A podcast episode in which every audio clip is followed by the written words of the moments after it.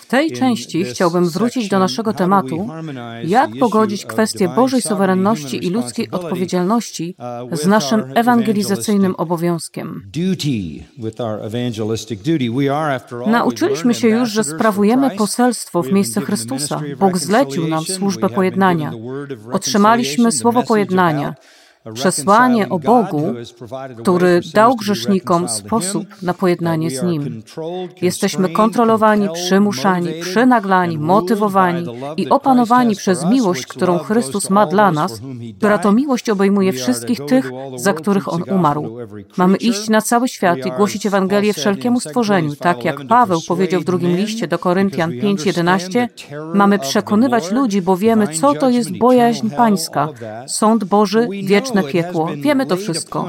Wiemy więc, że spoczywa na nas obowiązek wierności w naszej ewangelizacyjnej odpowiedzialności.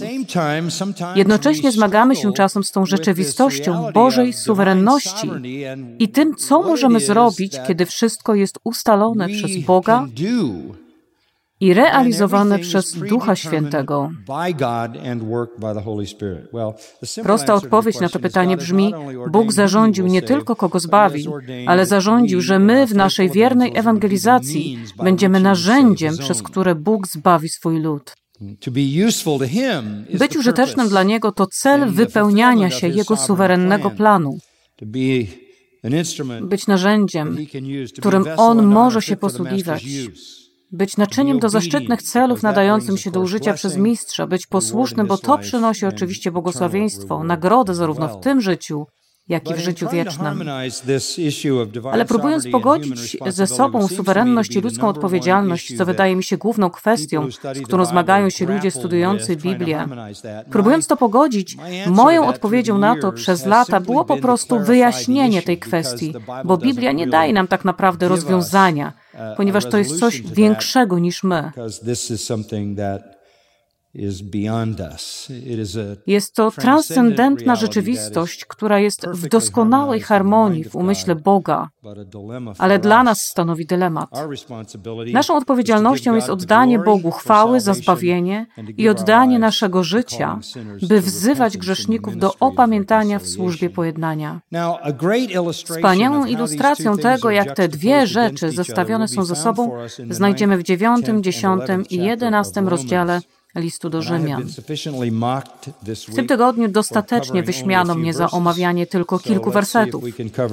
Zobaczmy więc, czy uda nam się omówić trzy rozdziały w 45 minut. I jak powiedział uh, Jonathan, jedną z rzeczy, które uwielbiam robić, jest po prostu pokazywanie Wam, co mówi Biblia. Pismo Święte wyjaśnia się samo. Samo jest swoim najlepszym wyjaśnieniem i czasem staje się zrozumiałe przez samo uważne czytanie. I myślę, że zobaczymy to w tym fragmencie. Nie mamy zbyt wiele czasu, by zagłębić się w poszczególne wersety, po prostu spojrzymy na duży obraz. W rozdziałach od 9 do 11 apostoł Paweł rozdziera swoje serce nad zastosowaniem Ewangelii. Nad zastosowaniem Ewangelii wobec grzeszników, zwłaszcza tych, którzy byli najbliżej jego serca, czyli Żydów. Uh, Czy Paweł rozumie Ewangelię? Oczywiście widzieliśmy to. Czy rozumie swoją odpowiedzialność? Oczywiście to zrozumiałe. Czy on rozumie, że to jest suwerenne dzieło Boga? Pewnie. Sam nam to naświetlił. Czy rozumie, że grzesznicy ponoszą odpowiedzialność, że muszą pokutować i uwierzyć? On to rozumie. Paweł przedstawił nam Ewangelię w pierwszych ośmiu rozdziałach listu do Rzymian. W pełni odsłonił tam swoje zrozumienie Ewangelii. A w rozdziale dziewiątym przedstawił zastosowanie. To świetny sposób na podsumowanie naszego tygodnia poświęconego Ewangelii Pawła. Wspomnimy o tym jeszcze w niedzielę rano, ale to jest dobre miejsce, by zakończyć tę część. Oto troska apostoła Pawła o zastosowanie tej chwalebnej, suwerennej Ewangelii pojednania.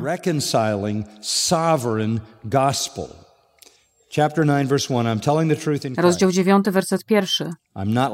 Prawdę mówię w Chrystusie, nie kłamię, a poświadcza mi to sumienie moje w Duchu Świętym.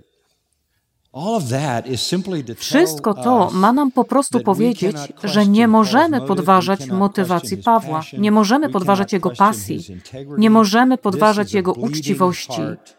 Ten fragment Pisma Świętego ukazuje krwawiące serce. On tak bardzo pragnie zbawienia grzeszników. On chce, żeby wszyscy zrozumieli szczerość tej pasji. On nie oszukiwał. Jego sumienie w tej kwestii było czyste w Duchu Świętym i chciał, żebyście wiedzieli to. Mam wielki smutek i nieustanny ból w sercu swoim. Muszę przyznać, że wiele osób wyznających reformowaną teologię wydaje się tego nie mieć. Gdzie jest ten ból? Gdzie jest ten nieustanny ból? Gdzie jest smutek? Gdzie jest udręka? Gdzie jest ból nad zgubieniem człowieka? Możesz być tak przekonany i oswojony z doktryną suwerenności, że całkowicie porzucisz tę pasję serca. Jak głęboka jest ta pasja dla Pawła? Werset trzeci. Albowiem ja sam gotów byłem modlić się o to, by być odłączony od Chrystusa, za braci moich, krewnych moich według ciała. Chyba nigdy nie słyszałem, żebym mówił tak do Boga. Potęp mnie, jeśli przez potępienie mnie możesz uratować kogoś innego. Poślij mnie do piekła, jeśli moje pójście do piekła może doprowadzić kogoś do nieba. Ta pasja tak przytłaczała Pawła, że on faktycznie rozważał możliwość wyproszenia potępienia, jeśli w jakiś sposób mogłoby to przynieść zbawienie ludziom, z powodu których ma złamane serce. No Na pewno nie ma nikogo, kto rozumiałby doktrynę Bożej suwerenności lepiej niż apostoł Paweł, zgadza się? A jednocześnie miał tak głęboką pasję do zgubionych.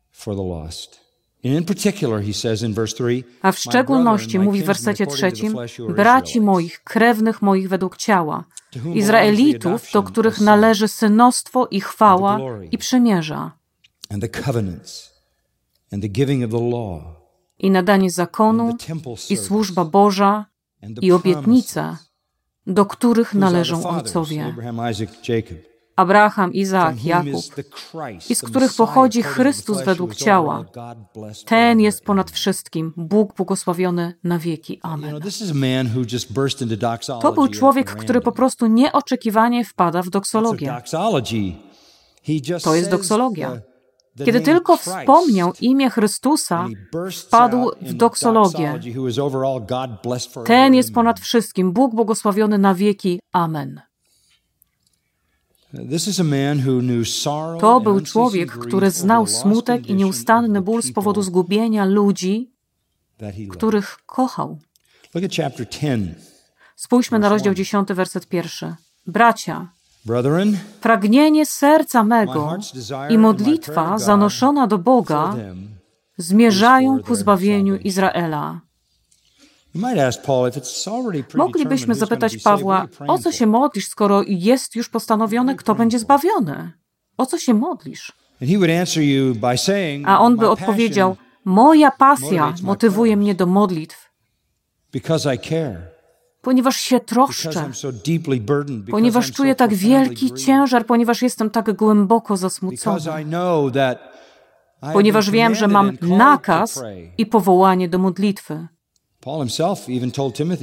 Sam Paweł polecił nawet Tymoteuszowi, żeby modlił się o zbawienie wszystkich ludzi. Paweł miał taką pasję do zbawienia grzeszników, że poświęcił temu wszystko, co miał w swoim życiu zarówno w publicznej służbie, jak i w prywatnym wstawianiu się za nich. A w swojej modlitwie za nich wołał do Boga o ich zbawienie. Spójrzmy na rozdział 11, werset pierwszy. Pytam więc, czy Bóg odrzucił swój lud? Bynajmniej. Me genoito. Najsilniejsze zaprzeczenie w języku greckim. Nie, nie, nie, nie. Przykro mi, mówi, z powodu stanu mojego ludu. Modlę się o ich zbawienie i wiem, że nie zostali ostatecznie odrzuceni przez Boga. To jest naprawdę pełna gama postaw z niezbędnika skutecznego ewangelizatora. Musisz ubolewać nad stanem zgubionych. Musisz pragnąć ich zbawienia do tego stopnia, że się za nich modlisz. I musisz wierzyć Bogu, że zamierzył zbawienie dla części z nich. W tych trzech rozdziałach, dziewiątym, dziesiątym i jedenastym, on ujawnił pasję, która go poruszyła. Pasję dla zbawienia grzeszników, zarówno dla Żydów, jak i dla pogan. Wiemy, że miał szczególne pragnienie dla Żydów, ale był apostołem pogan. Te rozdziały ukazują stopniowo cztery istotne elementy, cztery rzeczywistości, cztery prawdy dotyczące ewangelizacji. Wszystkie one są niezbędne, a jednak są pozornie paradoksalne. Wywołują w nas napięcie. Więc zajmiemy się nimi po kolei. Rozdział 9 podkreśla Bożą suwerenność. Rozdział 9 podkreśla Bożą suwerenność. Zacznijmy od wersetu 6. To, że Izrael nie uwierzył, to, że Izrael nie był zbawiony, to, że odrzucili Chrystusa, werset szósty, nie jest tak, jakoby miało zawieść Słowo Boże. Dlaczego? Albowiem nie wszyscy, którzy pochodzą z Izraela, są Izraelem. Wiesz, co to znaczy? Bóg nigdy nie zamierzył zbawienia wszystkich Żydów. Właśnie to tutaj mówi. To wyjaśnienie świadczy o Bożej suwerenności. I nie wszyscy są dziećmi, werset siódmy, dlatego że są potomstwem Abrahamowym to znaczy dziećmi Boga. Lecz jest tak, od Izaaka zwać się będzie potomstwo Twoje. To znaczy, że nie dzieci cielesne są dziećmi Bożymi, lecz dzieci obietnicy liczą się za potomstwo. Albowiem tak brzmi słowo obietnicy. W oznaczonym czasie przyjdę i Sara będzie miała syna. Ale nie tylko to, gdyż dotyczy to również Rebeki, która miała dzieci z jednym mężem, praojcem naszym Izaakiem, albowiem kiedy się one jeszcze nie urodziły, ani też nie uczyniły nic dobrego lub złego, aby utrzymały się w mocy Boże postanowienie wybrania oparte nie na uczynkach, lecz na tym, który powołuje, powiedziano jej, że starszy służyć będzie młodszemu. Jak napisano, Jakuba umiłowałem, a Ezawem co? Wzgardziłem. Pierwszych pięć wersetów mogłoby sprawić, że ktoś pomyśli, że wszystko poszło źle, że na początku Bóg zamierzył zbawić wszystkich Żydów, ale plan się nie powiódł. A Paweł odpowiada: Niewiara Izraela jest idealnie zgodna z suwerennym Bożym zamiarem i obietnicą. Boża obietnica nie zawiodła. Boża moc nie zawiodła. Od początku Bóg dokonywał wyborów, co widać jeszcze przed narodzeniem Jakuba i Ezawa.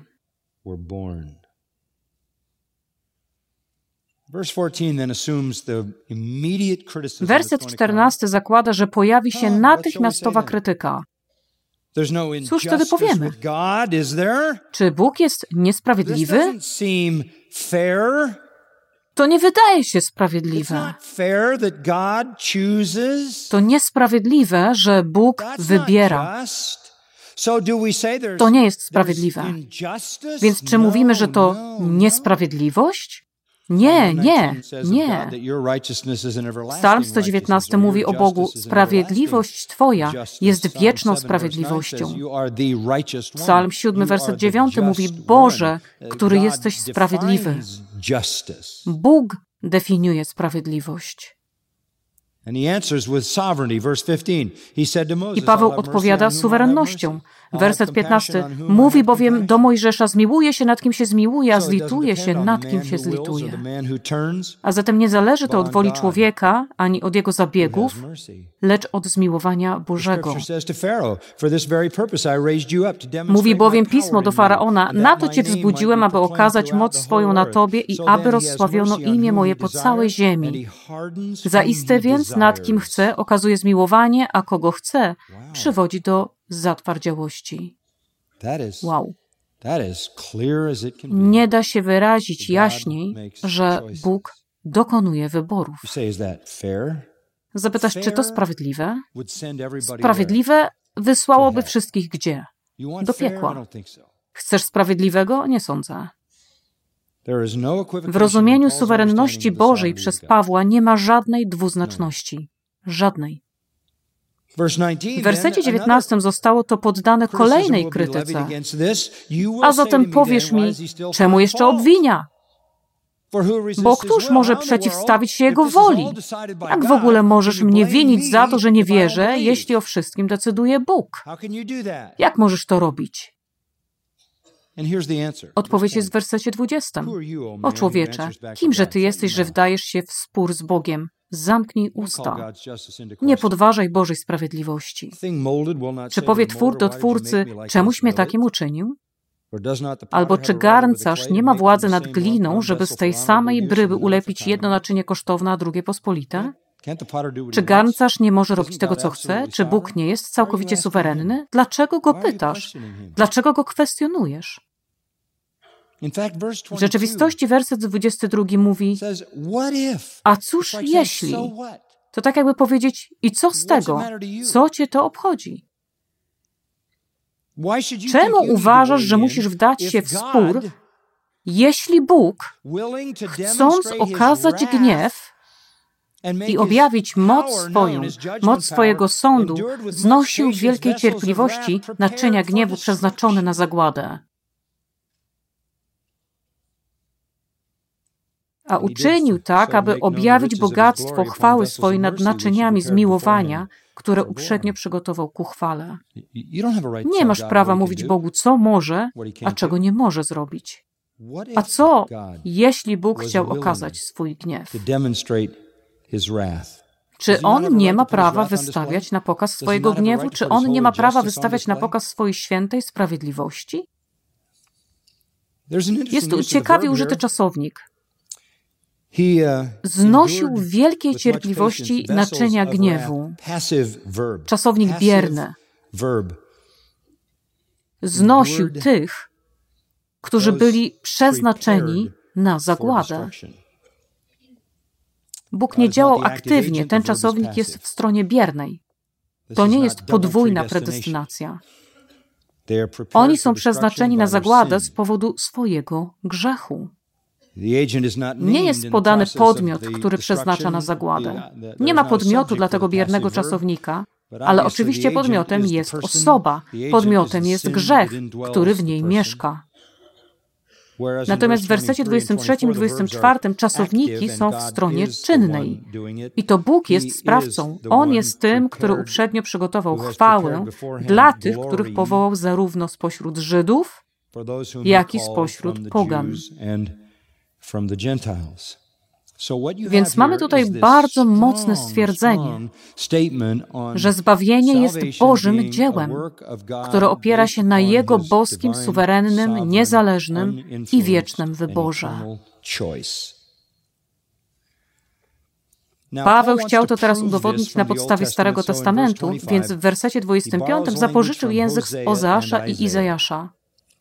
Jak też u Ozeasza mówi, nie mój lud nazwę moim ludem. I tę, która nie była umiłowana nazwę umiłowaną. I będzie tak, że na tym miejscu, gdzie im powiedziano, nie jesteście ludem moim, nazwani będą synami Boga żywego. Werset 27. A Izajasz woła nad Izraelem. Choćby liczba synów Izraela była jak piasek morski, tylko resztka ocalona będzie, bo Pan wykona wyrok rychło i w krótkim czasie na ziemi. Jak przepowiedział Izajasz, gdyby Pan zastępów nie pozostawił nam zarodzi, stalibyśmy się jak Sodoma i bylibyśmy podobni do Gomory. Zapożyczył od proroka Ozeasza i proroka Izajasza stare testamentowe teksty, które zapowiadały niewiarę Izraela w przyszłości. Zapowiadały też zbawienie dla resztki zbawienie resztki. Kluczowy jest werset 27. Choćby liczba synów Izraela była jak piasek morski, tylko resztka ocalona będzie. Bóg ratuje resztkę, co przypomina szósty rozdział Izajasza, gdzie Izajasz miał wizję, w której Bóg mówił, kto tam pójdzie, zgadza się? I Izajasz powiedział, oto jestem, poślij mnie. Został oczyszczony rozżarzonym węgielkiem, który dotknął jego ust, po czym był wysłany przez Boga do narodu judzkiego, żeby głosić nadchodzący sąd babiloński. Gniew Boży miał spaść i Bóg mówił, kto tam pójdzie i powie temu ludowi? A on powiedział, oto jestem, możesz posłać mnie. I wtedy Bóg powiedział mu, ich uszy będą dotknięte głuchotą, nie będą słyszeć, ich oczy będą ślepe, nie będą widzieć, nie nawrócą się, nie opamiętają się. I wtedy Izajasz zadał pytanie, które też bym zadał. Jak długo mam to robić? Jak poczułbyś się, gdyby podczas Twojej ordynacji ktoś powiedział, teraz jesteś gotowy do dzieła, przy okazji nikt nie posłucha się niczego, co powiesz. Więc jak długo mam to robić? Pan powiedział do Izajasza w szóstym rozdziale, do czasu, kiedy nie będziesz miał już komu głosić, dopóki wszyscy ludzie stąd nie odejdą. A potem zakończył ten rozdział mówiąc, będzie tam dziesiąta część, będzie tam święte nasienie, będzie tam pień. To jest doktryna o resztce. Zawsze tak było. Nawet w przyszłości, w dniach ostatnich, kiedy Izrael uwierzy w Chrystusa, zrobi to tylko jedna trzecia Żydów. Dwie trzecie starotestamentowi prorocy nazywają buntownikami. Oni zostaną przetrzebieni, jedna trzecia będzie zbawiona, będą patrzeć na tego, którego przebili, będą odkupieni, będą mieli źródło otwarte dla oczyszczenia i otrzymają obiecone w Starym Testamencie Królestwo Boże.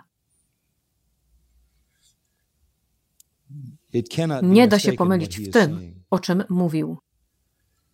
Czy Izrael nie miał w tym żadnej ludzkiej odpowiedzialności? Oczywiście, że miał. Spójrzmy na werset 30. Cóż wtedy powiemy? To, że poganie, którzy nie dążyli do sprawiedliwości, sprawiedliwości dostąpili, sprawiedliwości, która jest z wiary, a Izrael, który dążył do sprawiedliwości z zakonu, do sprawiedliwości z zakonu nie doszedł, to lepiej byłoby być poganinem. Oto wszyscy ci Żydzi, którzy harowali, dążąc do sprawiedliwości z prawa, zostali wyeliminowani, a poganie, którzy dążyli do niej przez wiarę, otrzymują zbawienie, którego Żydzi nie osiągnęli, dążąc do niego przez prawo. Powodem jest to, że było to nie z wiary, lecz jakby z uczynków. Potknęli się oni o kamień obrazy, którym był Chrystus. Jak napisano, znowu u Izajasza, oto kładę na Syjonie kamień obrazy i skały zgorszenia, a kto w niego uwierzy, nie będzie zawstydzony. To stwierdzenie jest jednoznaczne. Poganie osiągnęli sprawiedliwość przez wiarę. Izrael nie osiągnął sprawiedliwości, bo szukał jej przez uczynki. Szukali jej przez uczynki. Więc z jednej strony suwerenną decyzją Boga jest to, kto będzie zbawiony. Z drugiej strony ludzie są potępieni, ponieważ szukali zbawienia w niewłaściwy sposób. Rozumiecie to?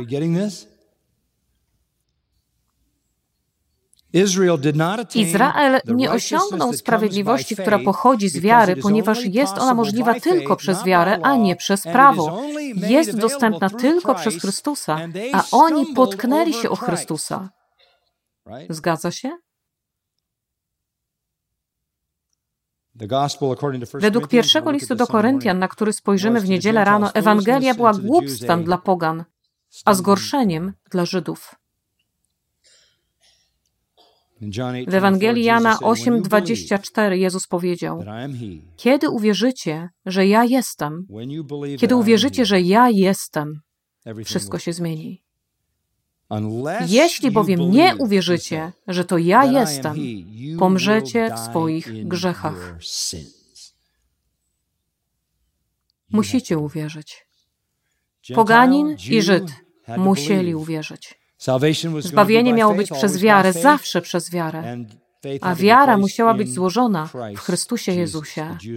Żydzi to odrzucili, potknęli się o Chrystusa, dlatego są zgubieni. Czy to oznacza, że Boży plan zawiódł? Nie. Bóg nigdy nie zamierzył, żeby cały Izrael był prawdziwym Izraelem, ale żeby była w nim resztka. A jeśli Bóg postanawia wystawić swoją łaskę na pokaz w resztce, ma prawo to zrobić.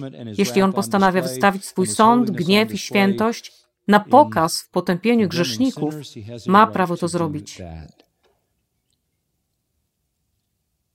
Więc mamy tu kwestię Bożej suwerenności. Przejdźmy do rozdziału 10, gdzie mamy nagłą zmianę.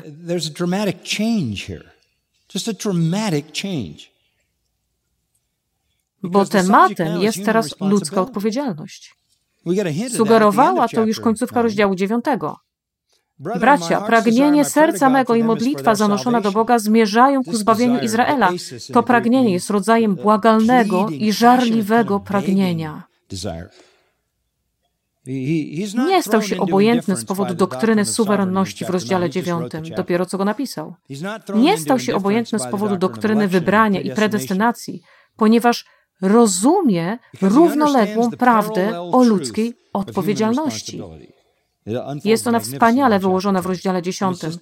To jest po prostu szokujące, że są one umieszczone tuż obok siebie i nie są sobie przeciwne. One sobie odpowiadają. W czym problem? O co tutaj chodzi? On mówi, że chce, żeby zostali uratowani. Werset pierwszy. Chcę, żeby byli zbawieni.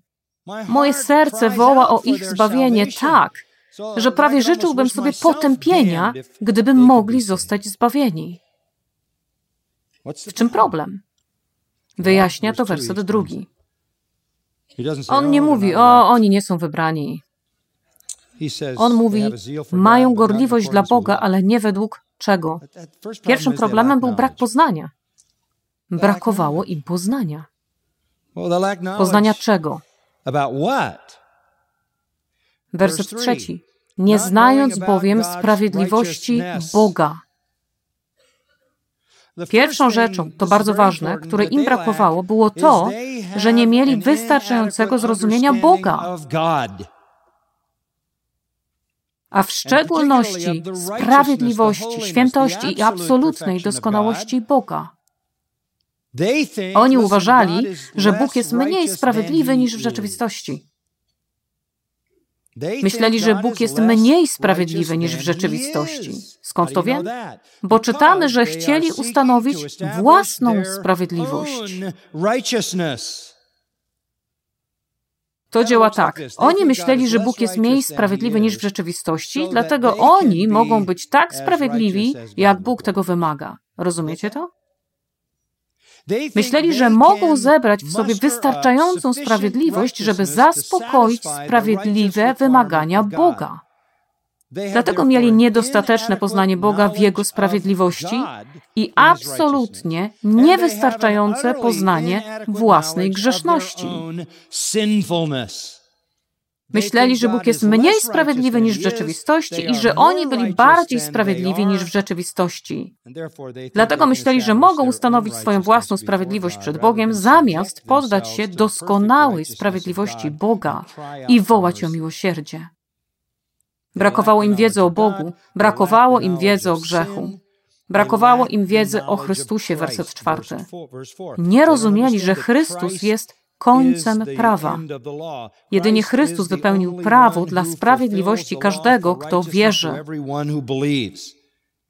Innymi słowy, wracamy do aktywnej sprawiedliwości Chrystusa, do charakteru Jezusa Chrystusa. Oni nie rozumieli, że jedynym, który mógł i doskonale wypełnił prawo, jest Pan Jezus Chrystus. I to Jego doskonałą sprawiedliwość Bóg przypisuje temu, kto w Niego uwierzy. Oni tego nie rozumieli. Nie rozumieli charakteru Boga. Nie rozumieli natury swojego upadku. Nie rozumieli Bożej sprawiedliwości, która przychodzi przez Chrystusa. Nie rozumieli, że zbawienie jest przez wiarę. Zakończenie czwartego wersetu. Każdy, kto wierzy. A potem mówił o tym dalej w wersecie piątym. Tak bowiem Mojżesz pisze o usprawiedliwieniu, które jest z zakonu. Człowiek, który spełnił zakon przezeń, żyć będzie. Zgoda? Chcesz przyjść w oparciu o prawo? Wtedy będziesz rozliczany z doskonałego przestrzegania prawa i będziesz przez nie potępiony. Ale Paweł chciał pisać o sprawiedliwości opartej na wierze. Werset szósty. Nie mów w sercu swoim, kto wstąpi do nieba, to znaczy, aby Chrystusa sprowadzić na dół, albo kto wstąpi do otchłani, to znaczy, aby Chrystusa wywieźć z martwych w górę. Za kogo ty się masz? Myślisz, że możesz ściągnąć Chrystusa z nieba? Myślisz, że możesz wyciągnąć Chrystusa z dołu, sprowadzić go na ratunek i pomoc z powodu wytworzonej przez siebie sprawiedliwości? Nie rozumiesz tego. Nie możesz wstąpić do nieba i sprowadzić Chrystusa na dół. Nie możesz zejść do krainy umarłych i wyciągnąć go do góry. To jest język samosprawiedliwości. Cała przewrotność tego poglądu polega na tym, że grzesznik myśli, że Bóg jest mniej sprawiedliwy niż w rzeczywistości. Myśli o sobie, że jest bardziej sprawiedliwy niż w rzeczywistości i dlatego wierzy, że jest w stanie sprowadzić Boga do swojego świata, żeby Bóg mógł dać mu sprawiedliwość. To jest niemożliwa Odyseja, to jest duchowy Don Quixote, nierealne marzenie.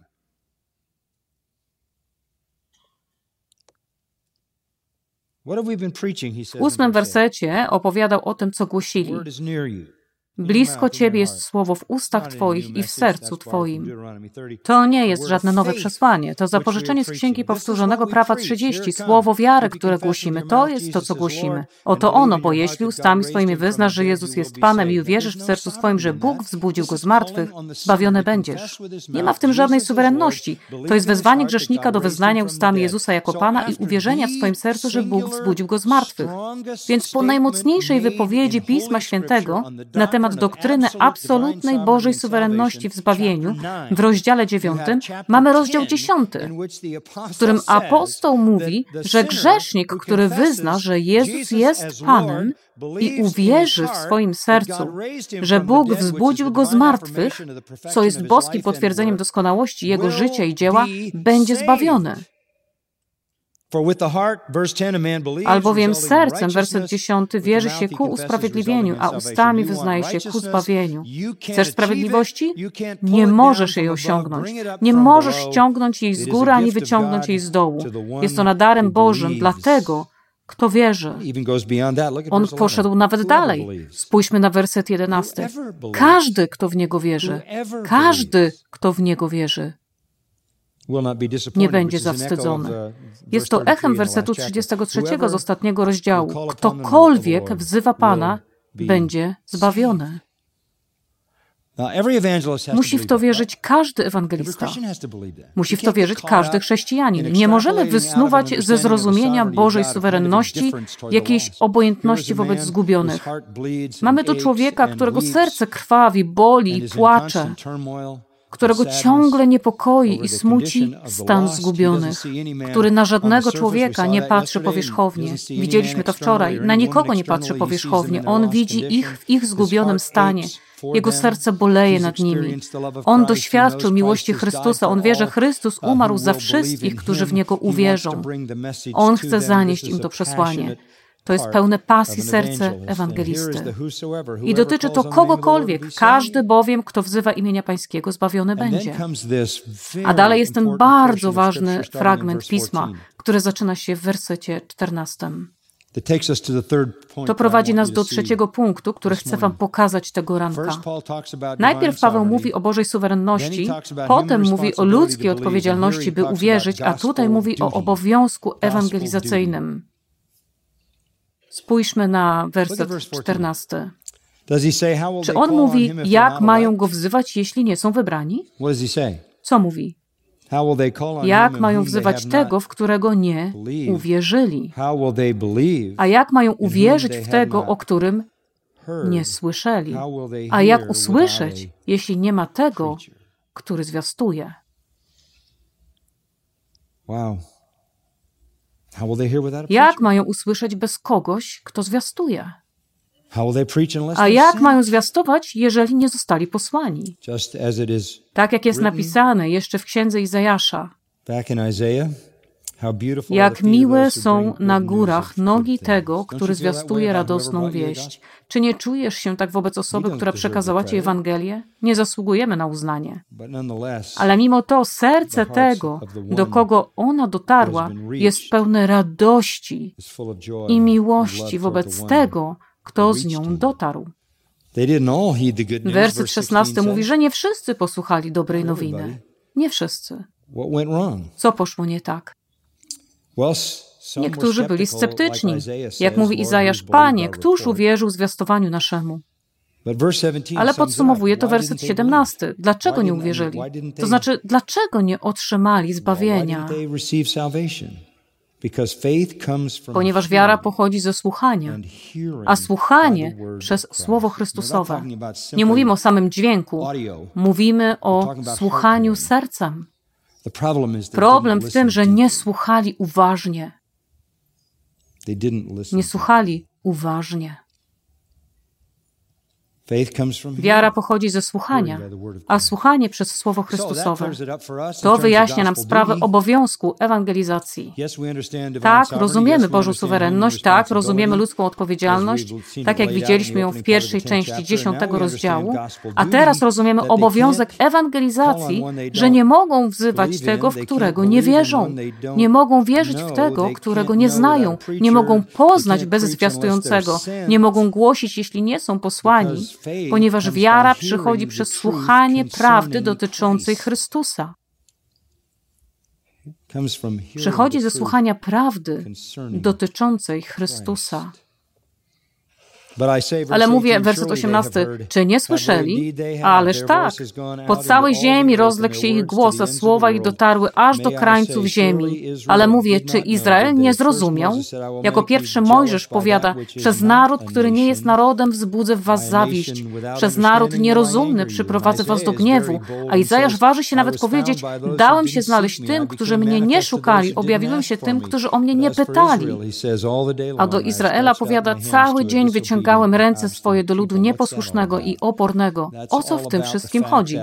Chodzi o to, że Paweł mówi: Wy wszyscy, Żydzi, nie chcecie słuchać. Odrzucacie przesłanie Chrystusa.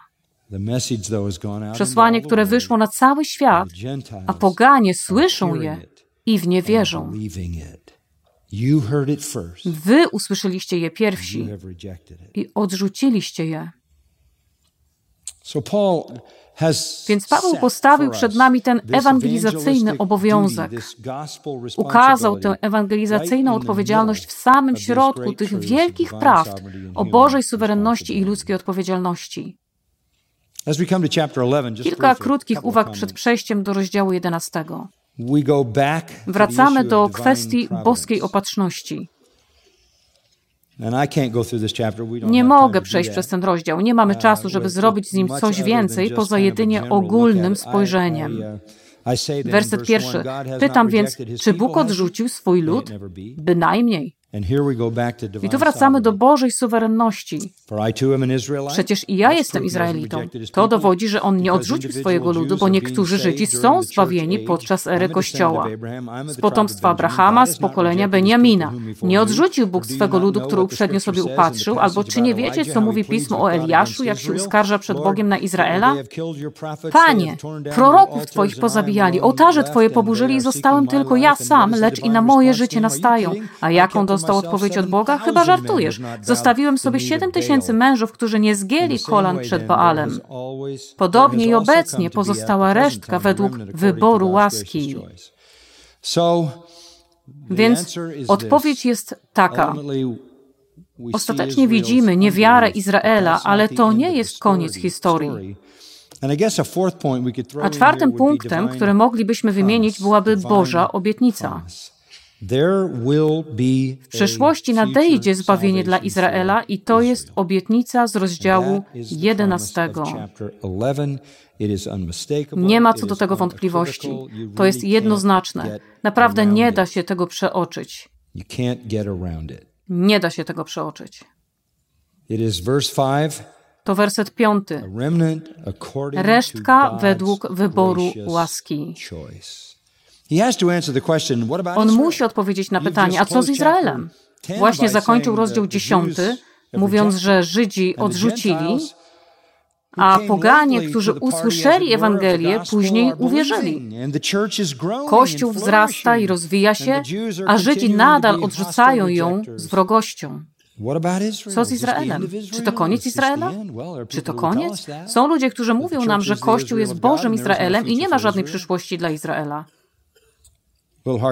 Trochę trudno jest wyjaśnić, co obecnie dzieje się na ziemi Izraela.